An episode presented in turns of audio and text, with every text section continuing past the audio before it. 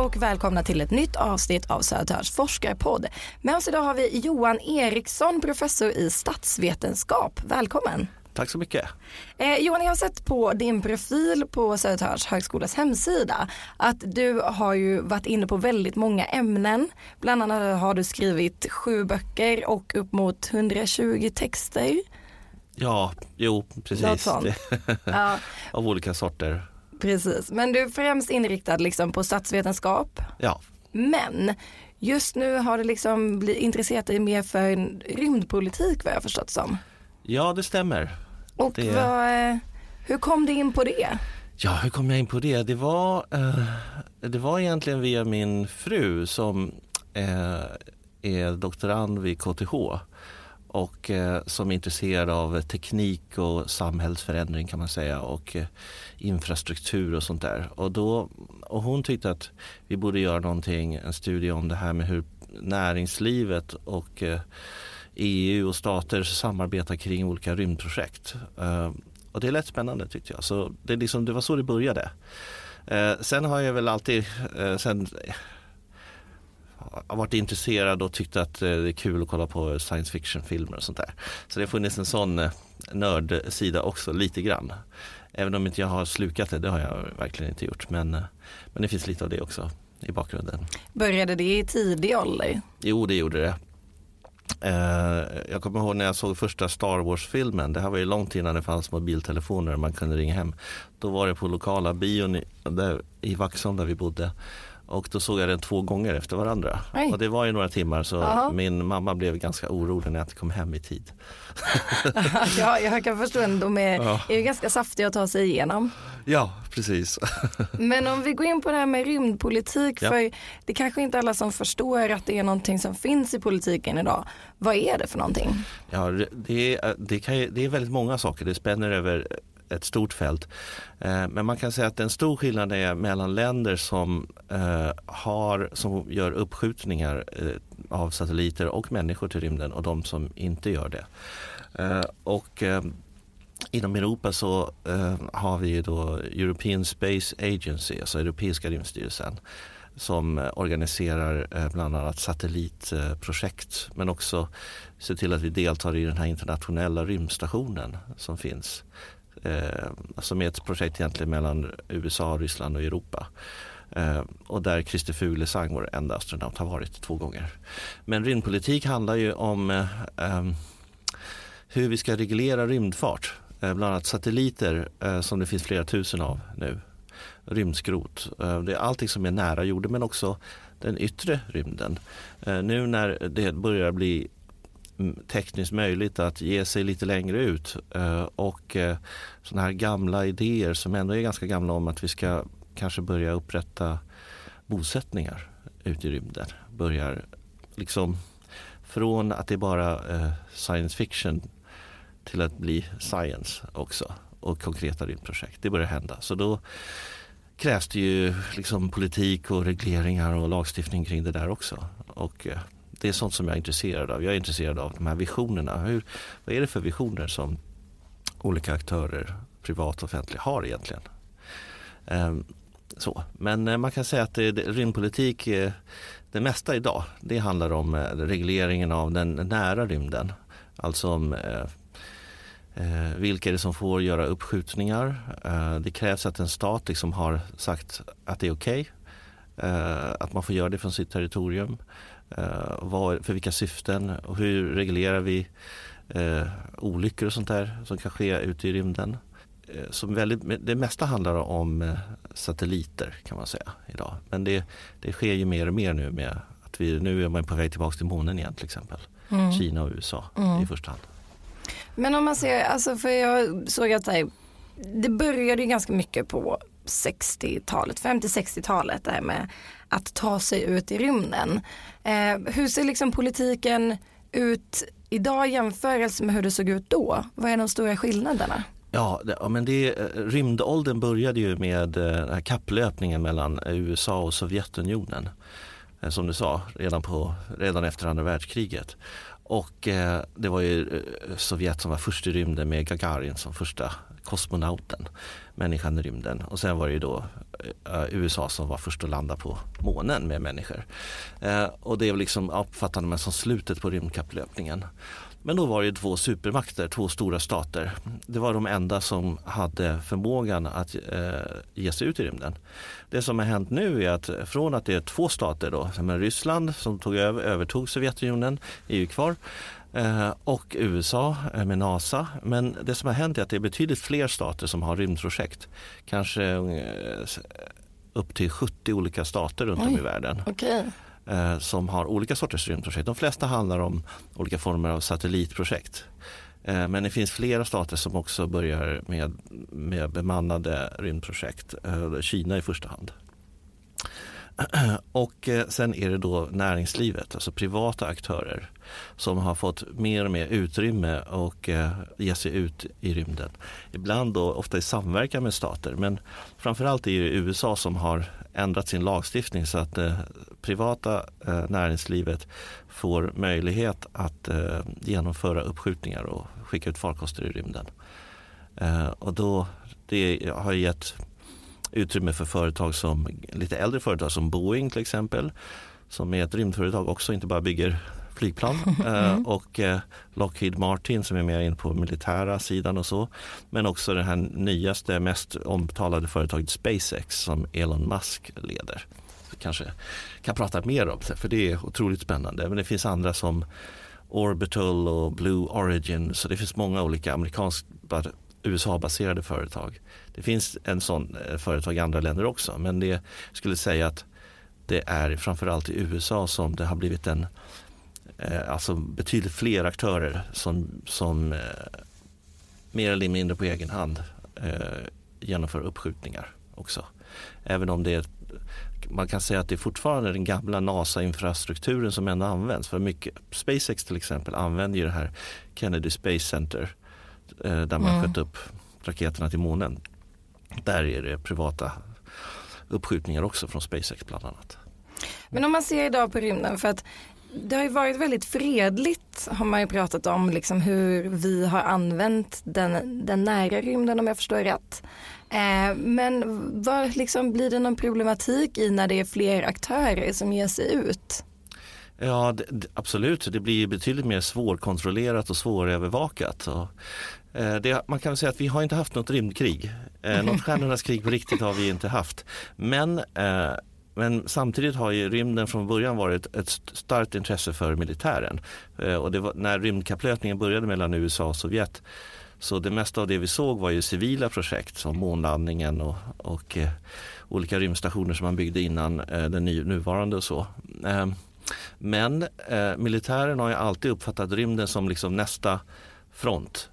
Eh, och eh, att nå högt upp då får man, kan man ju se bättre och få mm. mer underrättelser och även kanske placera till och med vapen då i rymden. Så det har funnits väldigt tydliga militära motiv för att ge sig ut i rymden. Det har det. Och framförallt under kalla kriget. Det gör det fortfarande idag och det, handlar, det mesta handlar om olika former av övervakningssatelliter. Eh, som man kan se ner på jordytan. Vad händer där egentligen? Eh, och eh, i luftutrymmet och så vidare och satelliter som kan användas för både civila och militära syften. Så kan man titta ner på och se i, i väldigt hög upplösning vad händer på jorden överallt i realtid. Då kan det användas för vilka syften som helst egentligen. Om det kan ju vara mm, förhindra eller övervaka flyktingströmmar eller stora flodvågor men också liksom militära liksom krig och terrorattentat, vad som helst. Men finns det liksom en större risk idag när det då är fler som liksom mm. tar sig ut att det liksom eh, kan närma sig eh, alltså vapenhandling i rymden? Ja, man pratar ju, det är väldigt många eh, som är oroade idag, alltså forskare och, och, andra experter på rymden som är oroade över en ökad militarisering av rymden. Man pratar om en militarisering och Någonting som jag själv är, är också oroad över det är man pratar om att eh, man kan se till exempel, ett exempel är inom EU så har vi ett jordövervakningssatellitprojekt eh, som heter Copernicus. Det, från början så var det ett satellitprojekt som, som man använde för att för, eh, övervaka naturkatastrofer i princip och eh, liksom om havsytan höjdes och sånt där. Eh, men kring 2008-2010 så ändrade EU det här så att det även skulle kunna användas för militära ändamål och mm -hmm. för mhm. typ övervaka terrorister och allt möjligt sånt, brottsbekämpning och för EUs liksom militära säkerhetsintressen också. Så det, det, är ett exempel på ett projekt, ett satellitprojekt som från början var till enbart för civila ändamål för, som handlar om miljön egentligen. Till att nu även kunna användas för militära ändamål. Som Så det är en slags militarisering av, ett, äh, av satellitövervakning. Men tror du att man kommer kunna se mer av det här i framtiden? Ja det tror jag. Äh, man ser ju på hur olika företag som, äh, som bygger och skickar upp satelliter som behöver de har ju för övrigt blivit fler och mycket billigare. Precis som med datorer. Va? Så mm. Här jättedatorerna har blivit, har vi smartphones menar, eh, som innehåller så mycket kraft. Va? Och så är det med, man pratar om nanosatelliter idag som är små som kanske en tennisboll till och med. Eh, man skickar upp en och så kan eh, en farkost i rymden så kan det släppa ut flera små. jättemånga små satelliter för olika ändamål. Det är en del. Och då kan det vara olika projekt för det. Men också att eh, många företag, till exempel, vi hade ju rymdbolaget i Sverige som nu heter Swedish Space Corporation. Mm. Det är de som sköter om S-range, den här stationen i, i Kiruna som skjuter upp en del eh, mindre eh, raketer kan man säga, mm. på låg höjd. I alla fall. Eh, de, de vill gärna, de har som målsättning att kunna skicka upp satelliter som kan sälja tjänster till olika kunder. Till exempel mm. Försvarsmakten eller forskare som man gör idag.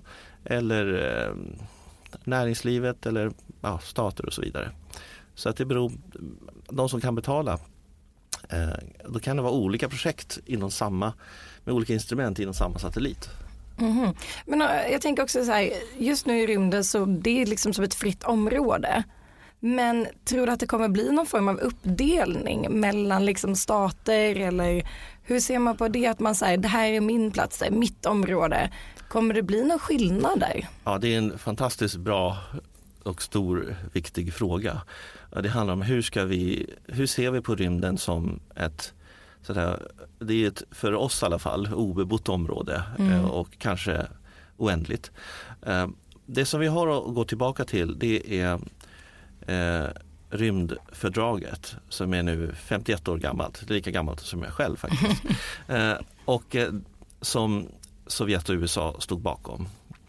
Och det här rymdfördraget det då säger att rymden tillhör hela mänskligheten. Ingen stat får ockupera eh, eller kolonisera någon del av rymden, till exempel en, en asteroid eller en del av månen eller Mars eller så för sin egen del. Man kan inte eh, liksom kräv, hävda äganderätt någonstans. Och det här baseras på samma lagstiftning som vi har för världshaven. Som ingen stat får säga att eh, det här tillhör vårt land. Eller Antarktis, likadant där. Det tillhör hela mänskligheten. Öppet? Det är öppet men också tillgängligt för alla. Och eftersom det då inte kan, man kan inte sätta upp en gräns och säga nu, eh, nu tillhör det här USA eller Ryssland eller Kina. Utan mm, mm. mm. det innebär att också alla har rätt att komma dit. Eh, alla stater, och det är baserat på stater fortfarande. Det är staterna som har rätten eller kan ge rätten att ge sig ut i rymden. Och det är det som USA har då ändrat sin lagstiftning och gett möjlighet för privata företag att kunna ge sig ut. Och skulle det bli något problem att de gör någonting dumt, till exempel sätter, börjar använda massförstörelsevapen i rymden, vilket mm. också är förbjudet enligt det här rymdfördraget. Då är det USA som får stå vid skampålen även om något företag skulle hitta på något sånt konstigt. Mm. Eh, och, eh, men det börjar bli mer och mer aktuellt. Och vad händer då om till exempel olika företag ger sig ut och vill bryta mineraler från asteroider som är en sån där idé som många har. Mm. Det kan finnas alltså vi får brist på olika resurser här på jorden kan man, kan man kan utvinna det framöver i rymden. Hämta hem från? Hämta hem blir ja. ju säkert jättesvårt men det, det finns en, en hel del sådana nya visioner och projekt som Tekniken bli. går framåt också. Ja det gör ju det. Ja.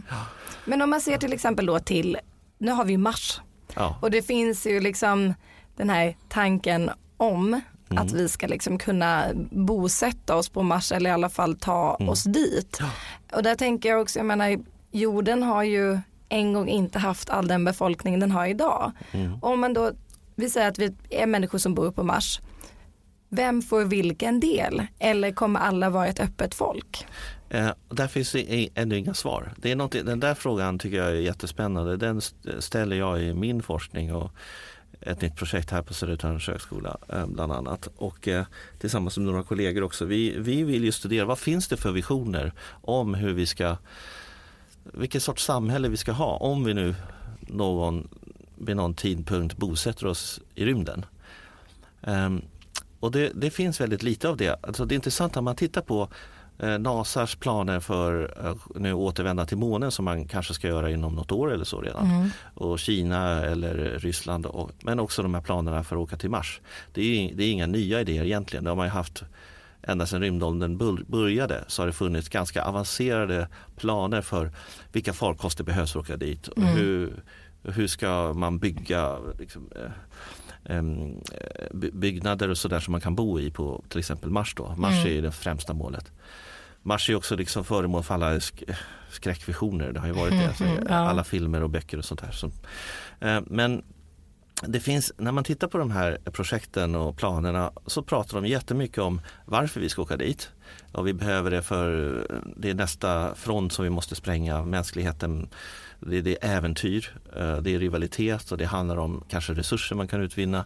Men det handlar också om eh, överlevnad. Vi, om allting går åt helsike här på jorden mm. så måste vi kunna överleva någon annanstans. Plan B alltså. Plan B ungefär. eh, men sen så säger de nästan ingenting om, okej, okay, men nu om vi nu lyckas bygga en bosättning på Mars, hur ska vi leva där? Mm. Hur ska vi, vad ska vi ha för relationer med varandra? Ska vi ha demokrati? Eh, eller ska vi ha en diktatur? Mm. Eh, Ska vi leva i familjerelationer som på jorden eller ska vi tänka på något helt annat sätt? Mm. Det finns väldigt lite uttryckt om det. Men det finns, och det, det, finns ingenting om det i några, till exempel i rymdfördraget, ingenting sägs om det. Uh, och tittar man på de, de officiella rymdprojekten sägs det inte mycket heller. Några ledtrådar har vi. Mm. Men desto mer finns ju i science fiction. Där, det är där man verkligen har liksom, där finns ju alla dystopier och utopier om det kan liksom bli verkligen sådana här hemska eh, fascistiska samhällen till de mest fantastiska drömvärldar där alla är jämlika. Man kan liksom testa ja. fritt ja. i science fiction-världen. Ja. Men för jag tänker, jag menar, ser man på hur människor tog sig till USA bland annat, Columbus, men han sig liksom att det var, det var hans Precis. land även fast andra var där. Och så har det funkat i hela världen att liksom kolonier och kolon kolonialiseringen har brett ut sig. Man, om, man, om man lyssnar till exempel på Elon Musk som är en av dem som nu bygger eh, rymdskepp eh, redan idag mm. för att om några år vi ska kunna skicka de första människorna till Mars. Så jämför han direkt med, eh, med eh, liksom Europas, eh, när européerna kom till Amerika, upptäckterna och, mm. och, och, de här pionjärerna som riskerade allting men för att bygga en ny framtid. Utforskade en ny värld, mm. även om det fanns invånare där redan. Vilket han inte nämner. Ehm, men så det finns en klar parallell där. Eh, så det handlar om en slags pionjäranda. Man kan få ut några sådana här ledtrådar. Att eh, det, om, det, det skiljer sig lite och vi vet ju inte vad, hur Kina ser och Ryssland ser på det här för de har också sådana planer. Men tittar man på, på Elon Musk i alla fall så är den som kanske ligger närmast att faktiskt skicka människor till Mars inom några år bara. Mm. Så, så då, jag tror att man egentligen kan titta på hur styr han sina egna företag. Mm. Jag tror att det är så han tänker sig att förmodligen så ska vi leva på Mars. Och då är det, det är ganska mycket, kanske han inte själv funderar på, det är ganska mycket personkult. Alltså mm. finns det en ledare som styr, som är spindeln i nätet. Um, det är ganska informellt men samtidigt informellt hierarkiskt också. Det är väldigt stor sådär, man belönar alla som är tekniskt skickliga, kunniga, som är produktiva, högpresterande. Det är de som som, som platsar där. De andra får mm. inte mhm. vara med kan man säga. Eh, så eh, SpaceX till exempel har ju haft en enorm personalomsättning. Uh, det ser väl, det vi har förstått av de som har varit där, det är liksom väldigt så avslappnad miljö och så. Det är, folk går inte omkring i kostym utan det är liksom, man kan se ungefär som man är hemma och slappar fast man är på jobbet och, och ägnar hela dygnet åt att pro, mm. producera nya, ny teknik.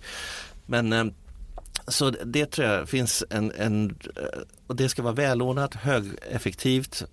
Man belönar de som har de mesta, bästa kunskaperna. Uh, man, måste, man måste verkligen kunna många saker. Uh, annars får man inte vara med i det Men vadå, så det skulle kunna vara så att man, de som får åka till Mars är de som värderas högst? Ja, så de eliten. människorna som inte kan någonting får inte följa med Nej, då? exakt. Eller anses kunna det som behövs? I, i den här, precis i den här omgången och han har även planer på att det ska inte bara en liten, liten sån här um, fyra människor som ska utforska lite grann och sen åka hem utan nej vi ska bygga städer, Mm. inte en utan flera städer på Mars. Eh, och till slut terra, uh, sån här terraforming, det vill säga att olika, med ol, olika tekniker uh, få Mars att från den här döda uh, sandstenplaneten Mm. till bli en levande planet igen. Okej. Eh, det är liksom drömmen då. Men jag tänker har. också det här med, alltså, just det här med äganderätten för att den Mm. är ju ganska intressant just eftersom jorden ser ut som den gör, vem var Ja. där först? Ja. Och då tänker jag så här, men är det USA som kommer först till månen? Tror du inte att de kommer anse att det är deras planet och deras bestämmande rätt över Mars då? Ja, eh, jag tror att det som kommer hända är när om man inte har planerat innan så kommer det ganska snabbt bli en, en konfliktfråga. Okej, om, nu, om man bygger en permanent bosättning för, istället för korta besök till en permanent bosättning då kommer man ändå vara där och göra anspråk på den platsen. Eh, och hävdar vi var först, det här är vårt område och så vidare. Jag tror att den konflikten kommer uppstå, precis som du pekar på. Och det har man inte rätt ut alls. Så jag, jag kan tänka mig att det i första hand kommer bli en, en fråga för FN Mm. att reda ut. Eh, Vi har, FN har ett rymdorgan och det är det som de som förvaltar rymdfördraget och så. Och om till exempel SpaceX under, eh, kommer och bygger en liten bosättning på Mars så kommer definitivt Kina och Ryssland ta upp det här i FN och eh, kanske säkert ha protester. Och, så att vi måste göra den här bosättningen. Bosättningar ska vara allmänmänskliga. Det ska vara helt, vi, alla stormakter i alla fall ska vara med. Mm. Alltså Ryssland och Kina måste vara med. Såklart. Så, och, så tror jag. Och det, man ser också lite grann att det där har ju både NASA och SpaceX tänkt på. Så de skriver att ja, det ska ju vara liksom, det är en blandning av det här. Det är, vi förverkligar den amerikanska drömmen, vi flyttar fronten och så. Mm. Men de säger också Ja men det, det ska vara internationella projekt med vår, både näringslivet och sen andra stater ska vara med. Men under amerikansk ledning då förmodligen. Så det är vi som ska bestämma men ni får vara med. Mm. De med tar ju in några- människor från andra länder då som Ja, också anses vara elit som får vara med och ta del av den. Men så sen det är så jag samtidigt- tror man har tänkt på. Men det, jag tror man absolut inte tänkt igenom hur det skulle fungera. Men framförallt är det intressant att se, menar, relationerna mellan Ryssland och USA är inte särskilt bra idag. Men i rymden har det fungerat faktiskt. Och de som faktiskt jobbar där eh, på rymdstationen och kring det. Eh, de har visat att det här civila samarbetet kan fungera bra. Det som händer nu, vi vet inte vad som händer för Trump har ju sagt att ja, han ville sälja ut USAs del och jag, kan väl näringslivet köpa det där. Jag vill inte Mhm. hålla på med den där stationen längre. Okej. Så För jag tänker också säga, har det blivit någon skillnad i liksom rymdpolitiken i USA sen, sen Trump tog över? Ja det har det. Eh, eh, på flera sätt. Dels så verkar han eh, under Obama och även under Bush Jr så pratar de mer om att vi ska ge oss snart till Mars. Och den planen har NASA jobbat på länge. Man håller dessutom på att bygga rymdskepp för det där som heter Orion. Eh, men eh, det som hände när Trump kom till makten det var att han sa att men vi satsar på månen först. Mhm. Eh, och det tror jag att han har liksom fått för sig att det är ju, och vilket han nog har rätt i, det är lättare att lyckas och sända människor till månen igen Mm. än att skicka dem till Mars. Det är också billigare, det är snabbare, Mm. vi har gjort det förut. Så vi ska börja med det. Och då inte bara ett kort besök utan bygga någon slags eh, bas där. Så, så det är det som kommer att hända inom en snar framtid tror jag. Okej. Vilket även Kina planerar. Kina har redan skickat eh, obemannade farkoster till, till månen. Men är det här liksom, är det en positiv sak eller är det en negativ sak? Eller är det bara att han vill gå emot? Hur ser man på det? eh, det, det, det är svårt att värdera eh, det här. Eh, alltså, alltså om det, måste, det kan man ägna ett egen podd åt eh, Trumps politik Mm. som är så inkonsekvent och motsägelsefull och eh, impulsiv skulle jag vilja säga.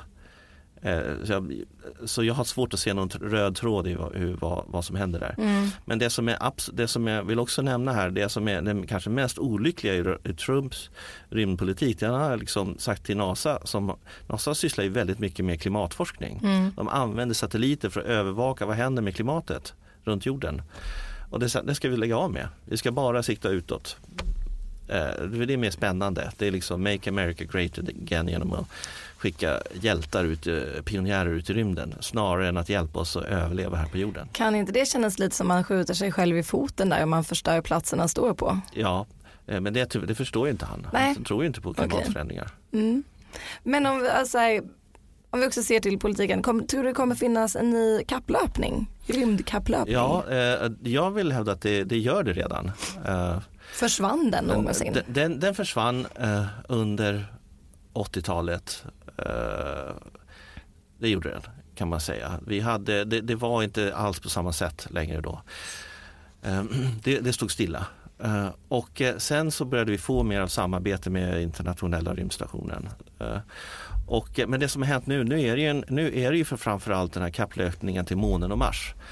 Där flera aktörer är på gång. Och då, det intressanta är att det är flera privata aktörer i USA och där SpaceX verkar vara de som ligger längst fram och kanske har möjlighet att göra det på riktigt. Ehm, NASA har sitt eget projekt men verkar nu ha bromsats lite av Trump. Ehm, Boeing har idéer och de samarbetar också med NASA och, och, och flera andra. Sen finns det sådana här Sen, sen är, Kina har också aviserat, men det är lite på längre sikt. Till och med Förenade Arabemiraten mm. har sagt att eh, de, de vill vara med på törn också. Men det är mest sådär visioner, inga konkreta eh, infrastruktur eller teknik. Men där finns väl ändå ganska mycket pengar? Det gör det. Ja. Så de kan ju vara med och finansiera och, och, eh, och de bidrar också till att, att skapa intresse kan man säga.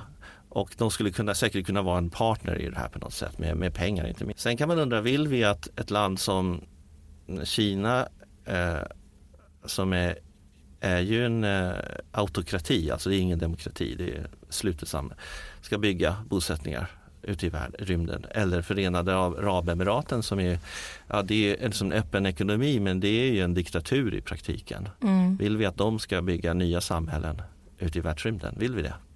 Och eh, den frågan ställer du dig? Ja, det ställer jag mig. Och hur skulle det se ut så? Men om vi ser då liksom till, till det du gör idag. Mm. Eh, för du menar att det finns liksom ett, ett hål i forskningen. Vad är det du vill ta fram? Det jag vill ta fram det är, okej okay, bra, det, det handlar bland annat om kopplingen mellan populärkulturen, alltså science fiction i, i böcker och film och, och eh, spel, alltså dataspel som också, det finns precis allt, ett nytt spel som heter Surviving Mars som är SimCity fast på Mars mm -hmm. som kom nu mm. i mars. Så det släpptes det. Eh, också säkert, det kommer hjälpa till att skapa intresse hos en del av befolkningen. Men eh, alltså kopplingen mellan populärkultur och de här verkliga projekten, de är inte skilda världar. Uh, och mer och mer har de här, alltså gränsen mellan underhållning och vetenskap och politik uh, upplösts. Så det, de där relationerna jag tycker jag är jättespännande De går mer hand i hand? Då. De går hand i hand väldigt konkret. För att ta ett exempel, den här filmen The Martian mm. med Matt Damon i huvudrollen som mm. kom 2015. Den uh, visar ju då hur NASA har byggt en bosättning, eller lite, de har människor på Mars redan och sen är den spännande. Det bygger på en, en, bygger på en roman. Men i alla fall. Eh, när den här filmen släpptes så en vecka senare då lanserade NASA sitt nya projekt Journey to Mars. Eh, mm -hmm. Och mm. på sin hemsida, på NASAs hemsida så kan man hitta då eh, en, en, sida som heter The Real Martians, alltså de äkta marsmänniskorna på svenska. Okay. Och med direkt hänvisning till den här filmen eh, och NASA är ju stolta, de var ju med och producerade filmen. Så det är ingenting som, man liksom, som är hemligt eller ingen konspirationsteori. Nej. Det är verkligen som, de är stolta över att ha hjälpt till att skapa den här filmen. För att de vill öka intresset för att vi ska resa ut. Men tror du att liksom i din, under din livstid, tror du vi kommer få se, att du kommer få se eh, människor ta sig till Mars? Ja, det är, det är inte omöjligt. Men eh, man kan säga att det är en skillnad mot, även om idén och visionen har funnits länge. Från 50-talet och framåt så har det funnits ganska omfattande sådana idéer och projekt. Men nu verkar det vara mera att man faktiskt bygger farkosterna. Mm. Uh, och man har visat att man kan sänka kostnaderna. Och man, det som SpaceX gör och Elon Musk, de, det, deras nya idé det är det här med återvinningsbar uh, Alltså det är jättedyrt att skicka upp mm, och då förstörs aldrig, det är flera miljarder som går till spillo. Men de har ju byggt nu en raket som kan, där uppskjutningsraketen kan landa och så återvinner man den. Um, och om det här då blir möjligt mm. under din livstid, ja. skulle du vilja åka dit då? Nej, eh, själv, nej, inte jag. Ju mer jag lär mig om rymden, desto mindre vill jag ge mig ut dit. Det är nog som eh, John F Kennedy sa, alltså vi ska inte åka till månen för att det är lätt utan för att det är svårt. Okej. Okay. Och det är det det är. Och, menar, eh, rymden är inte direkt en vänlig miljö oavsett var man åker någonstans. Så du trivs bra med fötterna här på jorden? Ja, och Eh, personligen, jag, vill, jag kan inte tänka mig att leva någonstans där det inte finns skogar och fågelkvitter.